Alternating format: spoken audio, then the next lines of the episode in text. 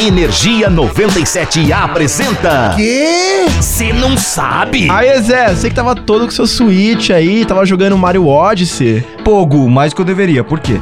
Ficou sabendo da última? Aparentemente não. Diga! Então você não viu que os produtores do jogo disponibilizaram no começo do ano um modo de jogo online diferente chamado Luigi's Balloon World, certo? Sim, mas eu não joguei ainda. O que, que tem? Nesse modo, o jogador tem que procurar pelo mapa balões escondidos por outros jogadores. E em cada um desses balões existem avatares ou os Mis, os perfis online da Nintendo, para identificar os jogadores que os esconderam. Você tá dando muita volta, Gustavo. Fala logo.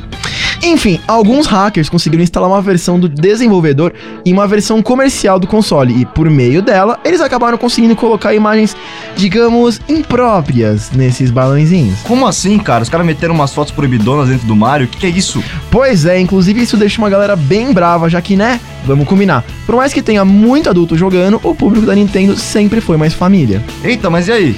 E aí que eles não se pronunciaram ainda, mas já sabem, fiquem ligeiros com engraçadinhos online. Justo, mas é isso. Você curte curiosidades extremamente inúteis. Porém, incrivelmente proibidonas, é só ficar ligado que a gente tá sempre por aqui. Eu sou o Zé Mário.